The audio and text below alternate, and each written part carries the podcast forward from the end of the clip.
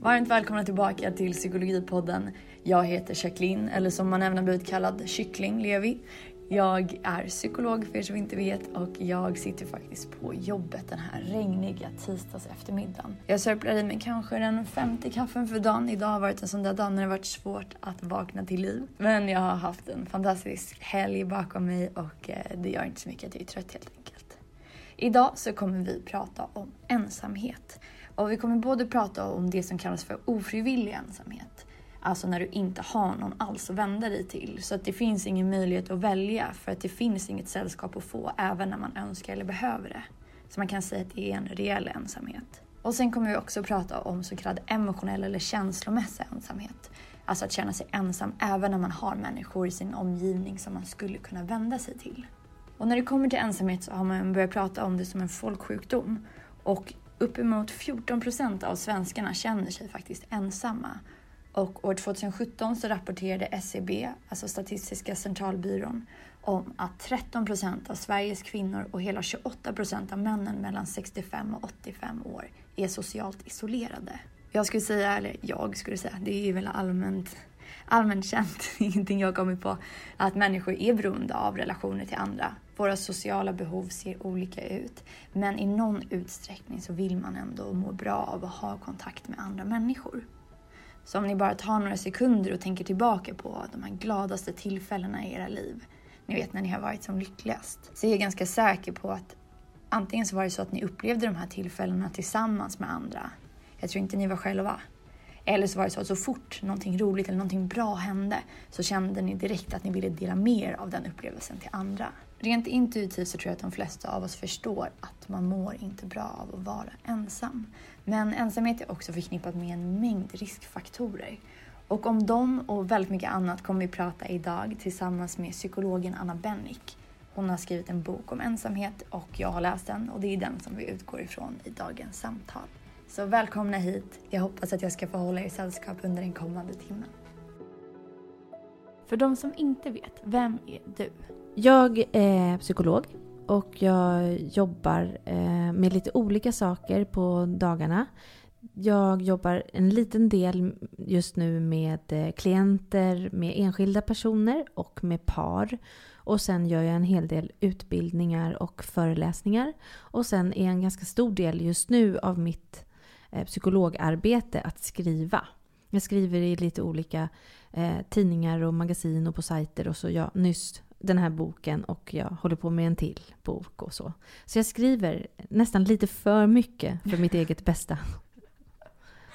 Men om man då tittar på den här senaste boken som du har skrivit. Mm. Hur kommer det sig att du valde att skriva om ensamhet? Ja, men några saker. Dels så tycker jag att varje gång som jag har träffat klienter eller människor som inte har mått något bra så har de eh, kommit med olika problembeskrivningar men väldigt sällan just så här, jag känner mig så himla ensam. Utan det är någonting som man har fått eh, ja, men, komma fram till längs med vägen på något vis. Och eh, jag har tänkt att vi inte har riktigt någon så bra rubrik eller bra språk eller att inte riktigt ensamheten finns med som att vi lika gärna... Vi, vi pratar mycket Eh, tydligare om depression eller om stress eller om sömn och sådär. Men inte så mycket om om just att ha brist på socialt nätverk eller att känna sig väldigt ensam. Utan det är någonting som kommer vid sidan av lite grann. Men det som gjorde att jag valde att, att ta tag i att verkligen skriva den här boken, det är faktiskt Nyhetsmorgon. Eh, Därför att där sitter jag ibland och tar upp olika psykologiska ämnen. Och eh, några gånger har vi tagit upp ensamhet. Och då har det aldrig kommit så många tittarbrev som då. För först pratar jag om ämnet och sen så går det en stund så får man mejla och så kommer det tittarbrev och sen pratar vi, tar jag några tittarfrågor också. Så brukar det uppläggen se ut. Och eh, det där har fått mig att fundera verkligen. Varför skriver hundratals människor in till Nyhetsmorgon en söndag morgon? Eh, och liksom gripande brev och massor med frågor och ganska förtvivlade frågor också. Ehm, det är många fler som skriver som, om sin ensamhet än om sin nedstämdhet. Och då är det ändå vanligare att vara nedstämd. Ehm, så då tänk, har jag tänkt att det måste vara för att det inte finns riktigt någonstans att vända sig. Och det har varit ganska frustrerande att lämna alla de där breven Mm. eh, också obesvarade. Man kan svara på några stycken och hoppas att det täcker för många. Men det har verkligen påverkat mig, alla de där breven. Och därför vill jag skriva någonting. Ja, för det låter ju som att ensamhet är ju en vanlig komponent i människors liv av olika anledningar och kan ju bidra till psykisk ohälsa och psykisk ohälsa kan också leda till ytterligare isolering. Mm. Men om vi då kollar på ensamhet som Mm. begrepp, Mm. vad innebär det?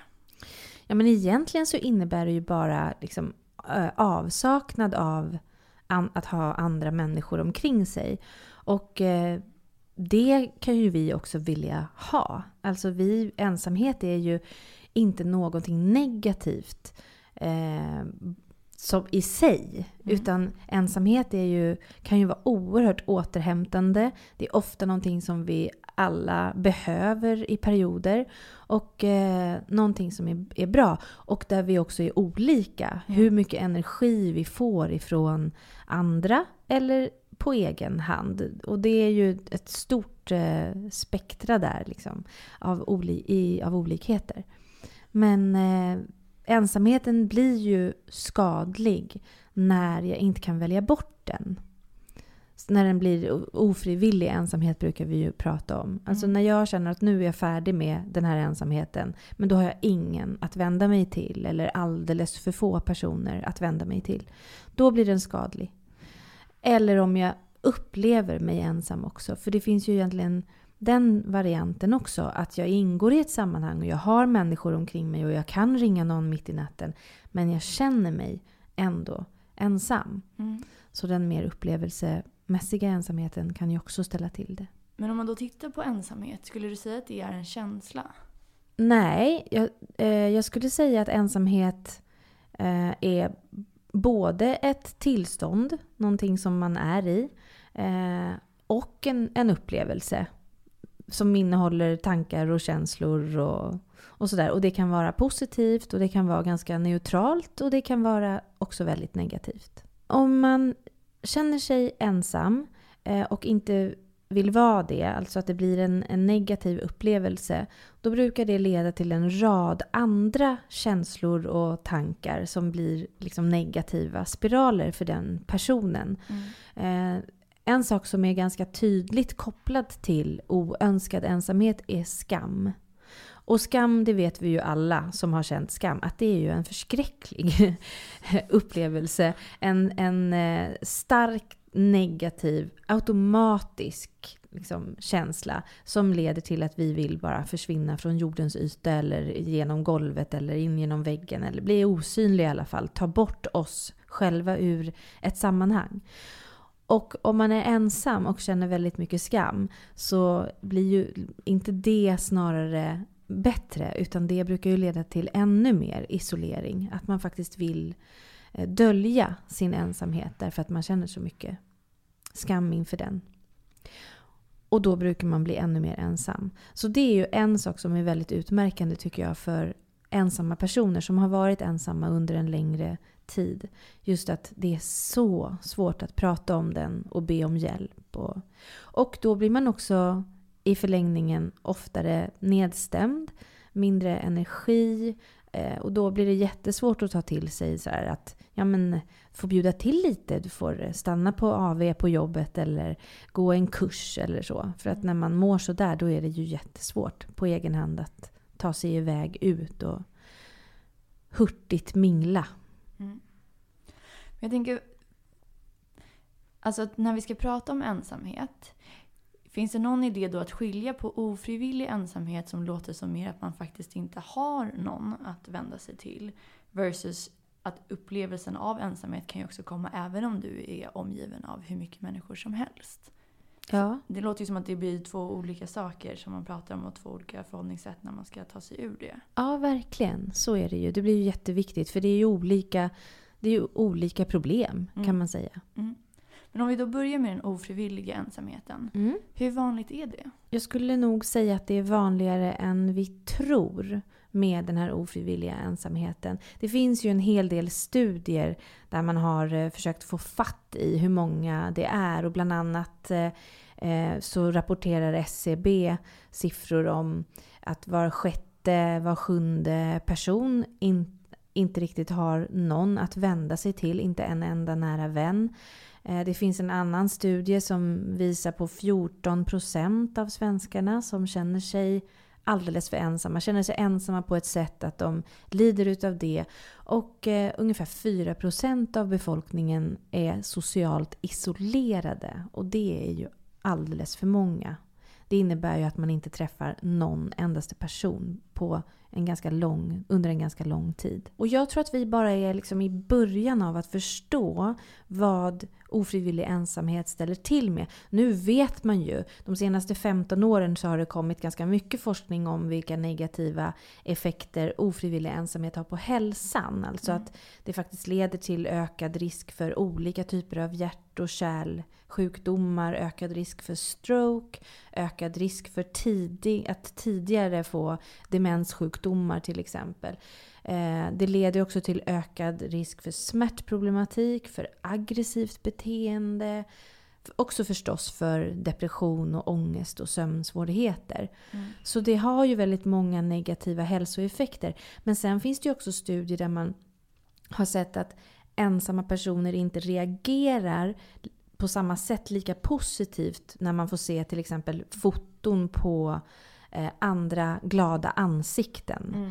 Eh, så att, och, där, och där tror jag forskningen är liksom i, i början bara. Och det mm. kan man kanske säga att den är när det kommer till även vilka hälsoeffekter det har. För 15 år, det är inte jättelång tid. Som, som eh, kunskapen har funnits. Men, men många negativa effekter och därför tycker jag att det blir så viktigt att prata om det här mer och att sprida kunskapen mer och att få till eh, en, en bättre hjälpinsatser för just ensamhet. Mm. Eftersom det är jättefarligt för hälsan. Mm.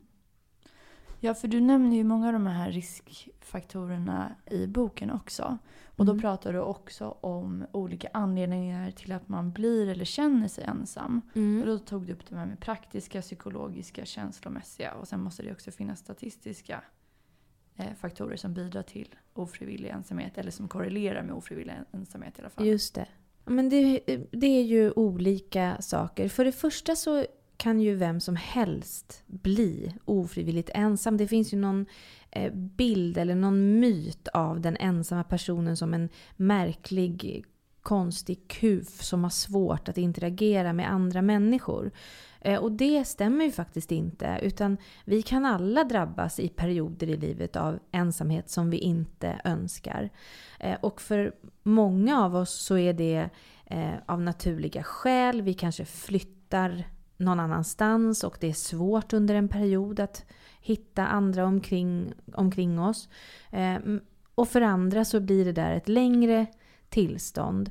Och det är ju då också alla de här negativa konsekvenserna kommer. Att vi snabbt får eh, negativa tankar om varför ingen vill vara med mig. Det kan vi också, det tror jag alla kan känna igen. Har vi inte någon gång varit utanför, blivit exkluderade när vi var små eller på en arbetsplats eller mm. att man känner att man inte passar in. Vad fort det går och vad obehagligt det känns att mm. man får igång massa eh, ja, men negativa tankar om sig själv och hur man uppfattas av andra och så vidare. Det där är någonting som vi förstås är upptagna av eh, i hög grad eftersom det är så viktigt för oss. Så, så för en del personer så blir den där processen stark och det leder till sämre självförtroende och att vi kanske drar oss undan ännu mer. Och sen riskerar man att hamna i, mer i en ofrivillig ensamhet. Då. Mm. Men det finns ju också en, en del liksom risker, riskgrupper kan man väl säga. Att, att bli äldre är ju av naturliga skäl um, en ökad risk för ensamhet eftersom man faktiskt förlorar via dödsfall sina mm. nära och kära. Och där kan det också till exempel fysiska handikapp, att det blir svårare att röra sig och delta i aktiviteter. Eller en jävla skitpension kan mm. det också handla om, så att man faktiskt inte har råd att åka iväg och, och eh, interagera med andra. Eh, det tycks vara en riskfaktor att vara man. Och kanske framförallt efter skilsmässa. Att fler män blir, upplever sig ensamma efter skilsmässa än kvinnor. Och så, då, I individfallet kan det ju vara precis tvärtom. Mm. Men om man tittar på stora grupper så, så män rapporterar en ökad grad av ensamhet och det är fler män som säger att man inte har någon nära vän att vända sig till än kvinnor till exempel. Och sen är det ju som vanligt då, så tråkigt att säga, men det handlar ju också om socialgrupp. Och är man i de lägre socialgrupperna mm. så är det också en risk. Och där handlar det väl också, tänker jag mig, delvis om ekonomi i vissa fall. Ehm, och eh, psykisk och fysisk sjukdom, också ökad risk. Att bli pensionär ökad risk och så vidare. Så det finns ju en del eh, ja, men grupper som man behöver se till lite extra. Men hur ensam är för ensam? Alltså hur vet man vad som klassificeras som liksom ofrivillig ensamhet? Ja, men bra fråga. Därför att det tycker jag är viktigt att, att säga. Därför att eh, vi har ganska mycket fokus idag på eh, att man ska vara eh, extrovert och har jättemånga kompisar på Facebook och har mycket folk omkring sig. Och vi liksom ser väldigt många sådana bilder i sociala medier där man bara umgås och det är så härligt och bästa vänner och hittar på olika aktiviteter. Vilket ju gör att man kan känna sig ensam, ännu mer ensam än mm. vad man skulle gjort om man inte jämförde sig med andra. Och jag tror att eh, man får, det handlar väl mest om att gå till sig själv. Så länge jag mår bra i min ensamhet. Om jag känner att jag inte saknar någon, inte känner tomhet, inte känner mig utanför ett sammanhang, trivs med mitt eget sällskap, då kan man ju vara ganska mycket ensam och det får vara okej. Okay, därför att vi är så väldigt olika. Mm. Um, och själva liksom nyckeln till att veta om man är ofrivilligt ensam eller inte, det är ju hur man mår. Om det inte känns bra längre, och om jag inte kan göra riktigt någonting åt det, mm. då är det ju ett problem. Mm. Men det är jättebra att poängtera att man måste inte hela tiden vara social och ha jättemycket folk omkring sig för att det ska liksom, för att man ska må bra. Om jag tycker om att vara väldigt mycket ensam och trivs med det, då leder inte det till ökad risk för hjärt-kärlsjukdom. Nej. Nej. Så det du menar är egentligen att människor har olika sociala behov. Ja. Så bara för att man inte älskar att vara med folk hela tiden så betyder inte det att man är ofrivilligt ensam. Nej. Eller att det är ett problem överhuvudtaget. Nej, då är man frivilligt ensam och det kan vara en jättebra sak. Ja, det är ju superhärligt. Ja, en del personer, jag tänker också på inom det här liksom spektrat av hur olika vi alla är i var vi hämtar vår energi ifrån och så. Mm. Och, och, så eh, så det är all, vi har alla, tror jag, att förhålla oss till ensamhet på olika sätt. Mm, mm, absolut. Hur kommer det sig att upplevelsen av ensamhet är så pass skadlig och så pass obehaglig för så många människor? Ja, men jag, det är lite, lite uttjatat då, men jag tror att ändå vi måste prata om liksom flockdjursfenomenet. Alltså mm. vi är skapta för att vara tillsammans med några andra. Och eh, när vi inte är det och när vi inte kan röra oss tillbaka in i en flock när vi har varit ensamma ett tag. Så, så startar ett stresspåslag i kroppen som, som ligger och är kroniskt. Mm. Även väldigt lågintensivt men dock kroniskt. Och, då, och det är det som gör att, de här, att eh, det leder till så många just stressrelaterade sjukdomar. Som just hjärtsjukdom till exempel. Eh, så att vi, vi är liksom skapta för att befinna oss i ett sammanhang. Och när vi inte kan det så startar hotsignalerna och vi mår inget bra.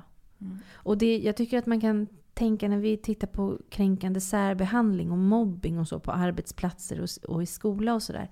Så ser man att det är en ganska snabb process. Även personer som inte har varit utsatta tidigare, som har ett bra, som har vänner och familj och som liksom har inte ständigt varit utsatta, vilket ju är förstås ännu sorgligare att en Mm. del inte blir så förvånade längre när man hamnar i utanförskap på en ny arbetsplats. Men, men för oss andra som inte har de erfarenheterna men, och hamnar i sånt, eh, där kan man ju se att processen är så himla snabb.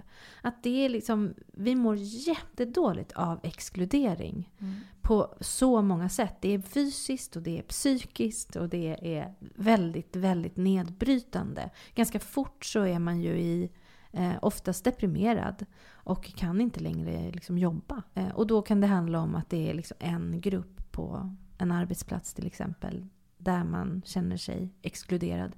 Ganska subtila signaler kan det ju vara. Ja, det blir ju mycket mer sofistikerade sätt som folk exkluderar varandra ju äldre man blir. Ja, det är inte huvud i toalett eller blöta, blöta ner någons ryggsäck. Nej. Nej, det syns ju inte att man inte har ögonkontakt eller inte bjuder in eller tar bort någon från en mejllista eller så. Det är svårt för omgivningen att, att, att upptäcka. Mm, mm. Men om vi... För jag tänker att vi ska hinna prata om den andra ensamheten, alltså upplevelsen av ensamhet som de flesta kanske kan relatera till oavsett om man har folk runt omkring sig eller inte. Men du skriver i din bok om hur man kan ta sig an den här äh, ofrivilliga ensamheten. För ofta så blir det ju svårt med social interaktion. Ja, Ehm, och då så lyfter du en modell som jag tror hette IS. just det. Ja, ja men det är en, en modell som handlar om att, att egentligen handlar alla de eh, punkterna om att men förlänga sig eh, ut i sociala sammanhang stegvis. Att, att utmana sig, att våga det, att hitta nya arenor där man kan hitta människor och sammanhang att ingå i.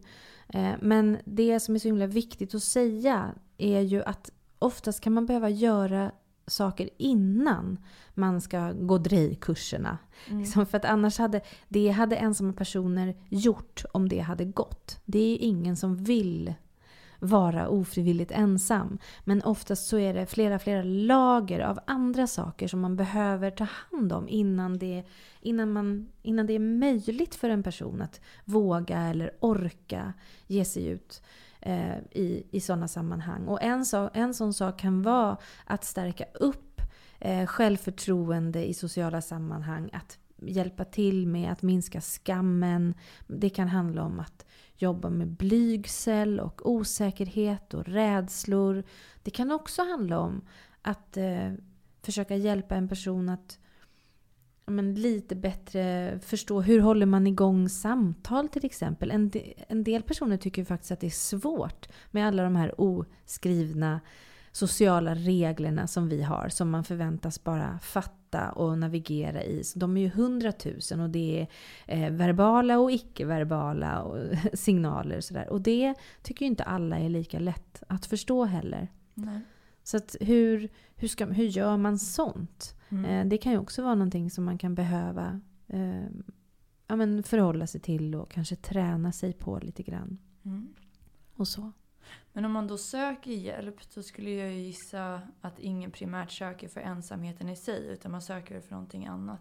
Ja, men det är verkligen ofta så. Det, jag har verkligen tänkt på det, precis så som du. Att det är sällan det kommer en beskrivning, jag är ensam. Mm. Och det är också många när jag möter ensamma personer som jag inte har som klienter, men nu när jag pratar mycket om ensamhet och jag säger att det är jätteviktigt att söka hjälp därför att det är så svårt på egen hand att, att ta hand om alla de här eh, ganska tunga hinder som finns.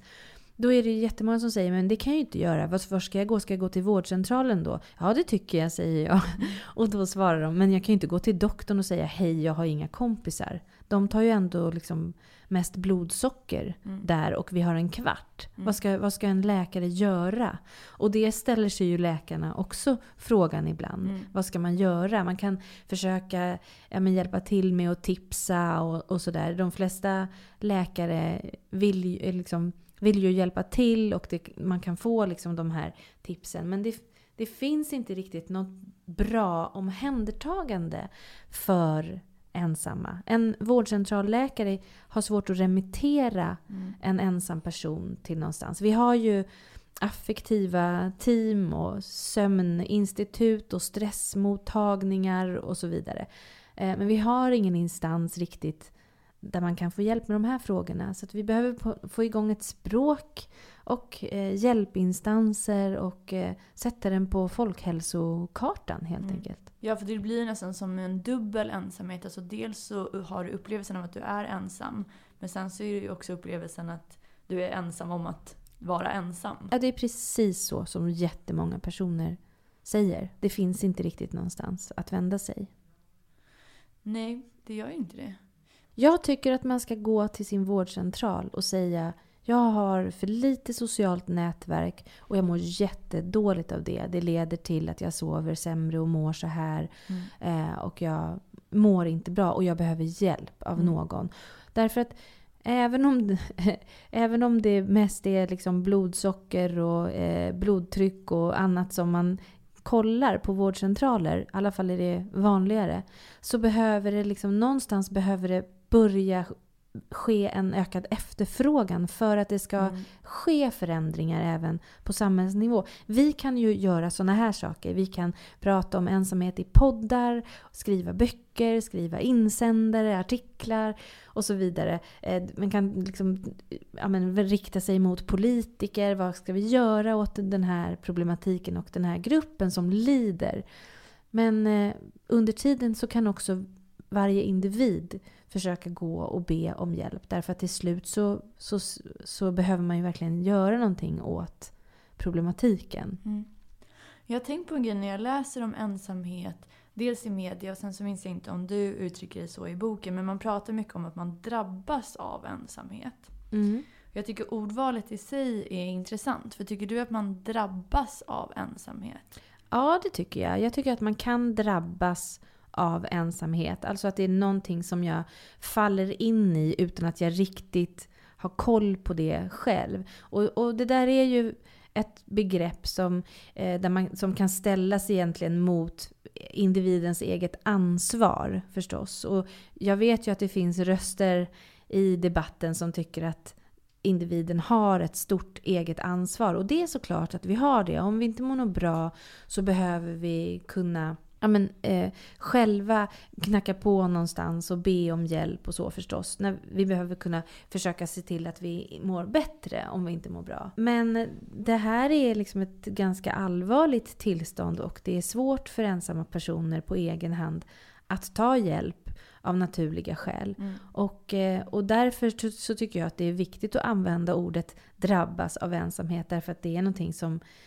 vi inte kan hjälpa. Äldre vars nätverk försvinner eller unga som eh, är exkluderade ur grupper och eh, blir ensamma och isolerade och mår dåligt. Mm. Det är faktiskt att drabbas av ensamhet. Jag tycker att det är ett bra begrepp. Mm mina första tankar på den, på den frågan mm. i alla mm. fall. Jag håller med dig. Jag brukar tänka på det också vid eh, psykisk ohälsa, kanske när jag träffar patienter och så. att man måste ju kolla både mikro och makroperspektiv. Och så här, visst har ju individen ett visst ansvar men sen måste man ju kolla på vilket ansvar har omgivningen och samhället för att hjälpa personen. Ja. Det blir ju väldigt, det blir ännu mer skuld och skam Ja, verkligen. belagt om det är så att det bara är upp till individen själv att lösa det här. Ja, och det tycker vi ju inte med väldigt många andra Nej. saker. Nej. Utan, och så varför ska vi tycka det om det här? Det här är en hälsorisk och en, ett tillstånd som är allvarligt där vi till slut blir sjuka. Mm. Och med andra sådana tillstånd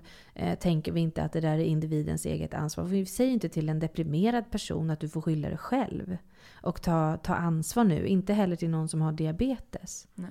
Nej. Um, jag skulle verkligen vilja fortsätta prata om det här men vi har inte så mycket tid så jag flyttar över oss till den andra typen av ensamhet. Alltså bara upplevelsen av ensamhet som de allra flesta kan känna igen sig i. Mm.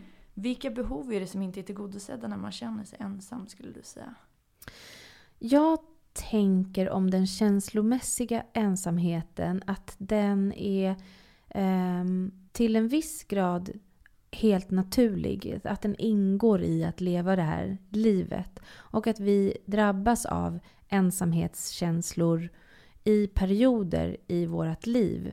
Eh, att bli vuxen tror jag kan vara en del i att känna sig ensam första gången man upplever saker. Och, och genom livet så kommer vi känna oss ensamma och behöva förhålla oss till ensamhet på olika sätt. Och att det skapar olika känslor i sin tur av kanske tomhet eller brist på mening och sådana saker. Att de är lite besläktade. Sen finns det ju en typ av den här ensamheten när den tar över lite för mycket och blir ett problem. Och då tänker jag att till exempel så kan det handla om att jag du pratade om vilka behov som inte är tillgodosedda. Och då tror jag att om relationer har varit väldigt nyckfulla och opolitliga, de här nära relationerna, de som man är så himla beroende av från att man är liten. Eh, när det har var, funnits ganska mycket kanske brister där, det tror jag gör att man har svårt att lita på andra och då har man också svårt att visa sig sårbar och svårt att komma andra människor nära. Där tror jag att, att eh, den upplevelsemässiga ensamheten, även om jag har kompisar och kanske till och med en relation, kärleksrelation och, och så. Um, men det, det är en, en, ganska vanlig frågeställning hos mina klienter. Att det blir inte nära. Mm. Det blir inte mer än så här och det känns tomt och ensamt. Det kan vara en sån brist mm. på behov. Så man kan ju verkligen känna sig ensam även i relation till andra människor. Det du säger. Verkligen, ja. Det kan man verkligen göra. Nästan ännu värre ibland att vara riktigt, riktigt ensam tillsammans med någon annan. Därför att det är inte så det ska kännas då. Så det blir liksom en fruktansvärd typ av ensamhet, tror jag. När man är ensam i en relation. En annan sån eh, vanlig eh, upplevelsemässig ensamhet kan ju vara om man är normbrytande, växer upp som så här, utanför normen. Att känna sig annorlunda alltid mm. än alla andra. Och inte riktigt förstådd, kanske inte heller bekräftad och sedd för den man är. Det tror jag också är en sån där riktig fallgrop. Men personer som du träffar som inte då kanske primärt har problematiken ofrivillig ensamhet men som beskriver upplevelser av ensamhet. Vad brukar de säga? Man brukar känna sig eh, felkonstruerad. Det är många som säger vad är det för fel på mig? Jag har en familj och jag kan ringa någon mitt i natten och jag har ju kompisar. Men ensamheten går liksom bredvid de här personerna hela tiden. Och väldigt ofta gör sig påmind. Där det handlar om känslor av kanske att man inte känner sig riktigt sedd eller förstådd eller att man eh, eh, känner sig annorlunda eller att man inte litar på att andra människor finns kvar om man skulle visa hela sig. Mm. Och det gör att man håller andra människor borta ifrån sig. För att skydda sig? Ja, för att skydda sig. Mm. Så är det många som är ensamma under ytan om du förstår vad jag menar? Tror du att det är vanligt? Jag tror att ensamhet eh, är mycket vanligare än vad vi pratar om. Ehm, så är det ju med ganska många typer av tillstånd. Särskilt de mer liksom psykologiska svårigheterna. Som, även om det stigma och skam och sånt minskar eh, med tiden så, så är det ju fortfarande stigma. Och det tror jag eh, att ganska många känner utan att man berättar det öppet till förmiddagskaffet på mm. jobbet. Eller för sina vänner alltid. Ja, för du var inne på någonting tidigare, det här med sociala medier och jämförelser med andra. Mm. Finns det forskning som visar på hur upplevelsen av ensamhet har påverkats sen vi blev ett mer digitalt samhälle? Ja, det finns några studier eh, där man har tittat på liksom, tid på sociala medier och eh, välbefinnande, upplevelser av välbefinnande där man har fått skratta. Och, och kontentan av de studier som jag har sett handlar väl om att, eh, att vara en del på sociala medier eh, leder till ökat välbefinnande. Att vara väldigt, väldigt lite eller ingenting på sociala medier verkar inte vara så bra.